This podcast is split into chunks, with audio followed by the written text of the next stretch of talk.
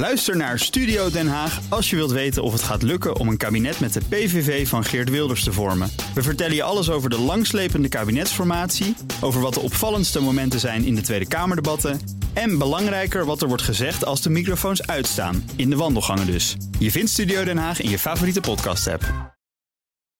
Postma in Amerika. Tijd voor het Amerikaanse nieuws door de ogen van onze correspondent in Washington, Jan Postma. Jan, uh, je nederlaag erkennen, dat is een kunst. Dat blijkt ook weer bij de verliezende kandidaat in Georgia, Herschel Walker. Ja, ja, je hoort altijd de overwinningsspeech. Hè. Die was nu ook weer heel mooi van Raffel Warnock. Maar een overwinningsspeech geven, dat is eigenlijk heel makkelijk. De concession speech, je nederlaag herkennen, dat is echt een kunst. Want je wilt met opgeheven hoofd het podium verlaten. En uh, ja, vooraf had Walker niet heel duidelijk gezegd of hij de uitslag zou erkennen als hij zou verliezen. Dus iedereen was benieuwd wat hij zou zeggen. Nou, hij herkende zijn nederlaag, maar sloeg eigenlijk het feit dat hij verloren had over.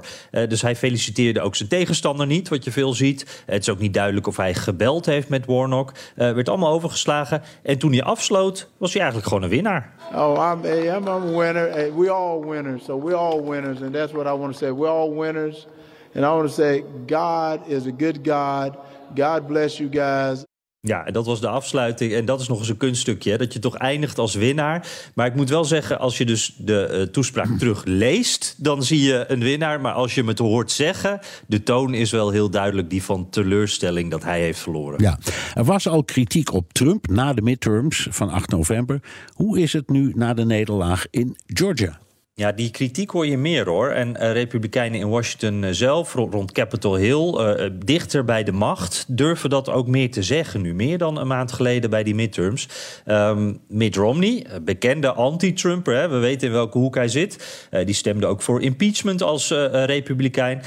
die greep dit moment aan voor een paar steken, niet eens onder water, maar echt boven water. Dit vond ik de scherpste. Hij is duidelijk bedoeld om ook Trump persoonlijk te raken. President Trump lost again. And I know a lot of people in our party uh, love the president, former president, but he's, uh, if you will, the kiss of death for somebody who wants to win a general election. And at some point, we've got to move on. Ja, dat is duidelijk. De kiss of death. En, en Trump heeft weer verloren. Uh, die had hij duidelijk bewaard uh, voor dit moment. Maar verlies heeft net als succes natuurlijk vele vaders. Uh, er is ook kritiek op het gebrek aan een verkiezingsprogramma bij de Republikeinen. Wat volgens mij ook door Donald Trump komt. Maar goed, kritiek op de campagne, kritiek op de partijvoorzitter. Dus genoeg mensen die de schuld niet bij Trump leggen. Lindsey Graham bijvoorbeeld, die vindt dat Trump niet de schuldige is. No, I think we're losing close elections. Uh, not because of Donald Trump. So, if the answer to everything in town is is Trump's problem, then you're you're missing the boat. Ja, dan mis je de boot. Het blijft dus rommelen bij die Republikeinen. Maar uh, uh, ja, het blijft ook een beetje afwachten welke kant het nou echt op gaat. Maar je kan inmiddels wel zeggen dat die start van Trumps campagne voor 2024 echt wel belabberd is. Ja. Ondertussen gaat het speculeren over de toekomst van president Biden gewoon door. Tegen Macron heeft hij een hint laten vallen over nieuwe kandidatuur. Ja, uh, iedereen in Washington wil dat natuurlijk weten. Gaat Biden dat doen? Hij heeft dat hints laten vallen. En, en nu met die toch best positieve uitslag, uh, uitslagen uh, bij de midterms en die laatste in Georgia... wordt dat toch wel als een zetje in de rug gezien voor Biden. tijdens het staatsbanket voor Macron is er ook over gesproken. En Macron wilde natuurlijk ook graag weten wat de plannen zijn. Zoals heel Washington dat wil weten en daarbuiten.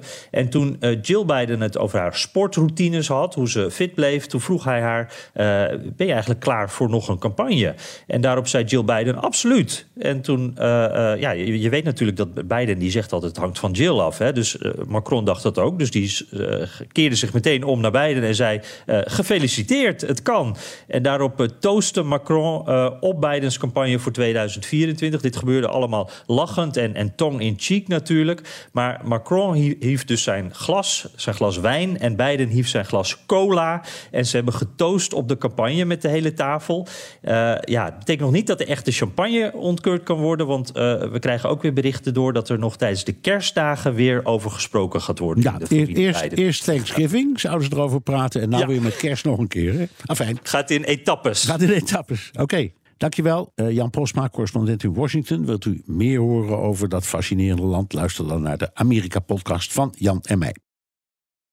Ook Liesbeth Staats vind je in de BNR-app. Ja, heel handig. Luister live naar Kees en mij tijdens de Daily Move. Dan blijf je ook gelijk op de hoogte van breaking news en het laatste zakelijke nieuws. En daar vind je ook alle BNR-podcasts, waaronder de Perestrooikast. Download nu de gratis BNR-app en blijf scherp.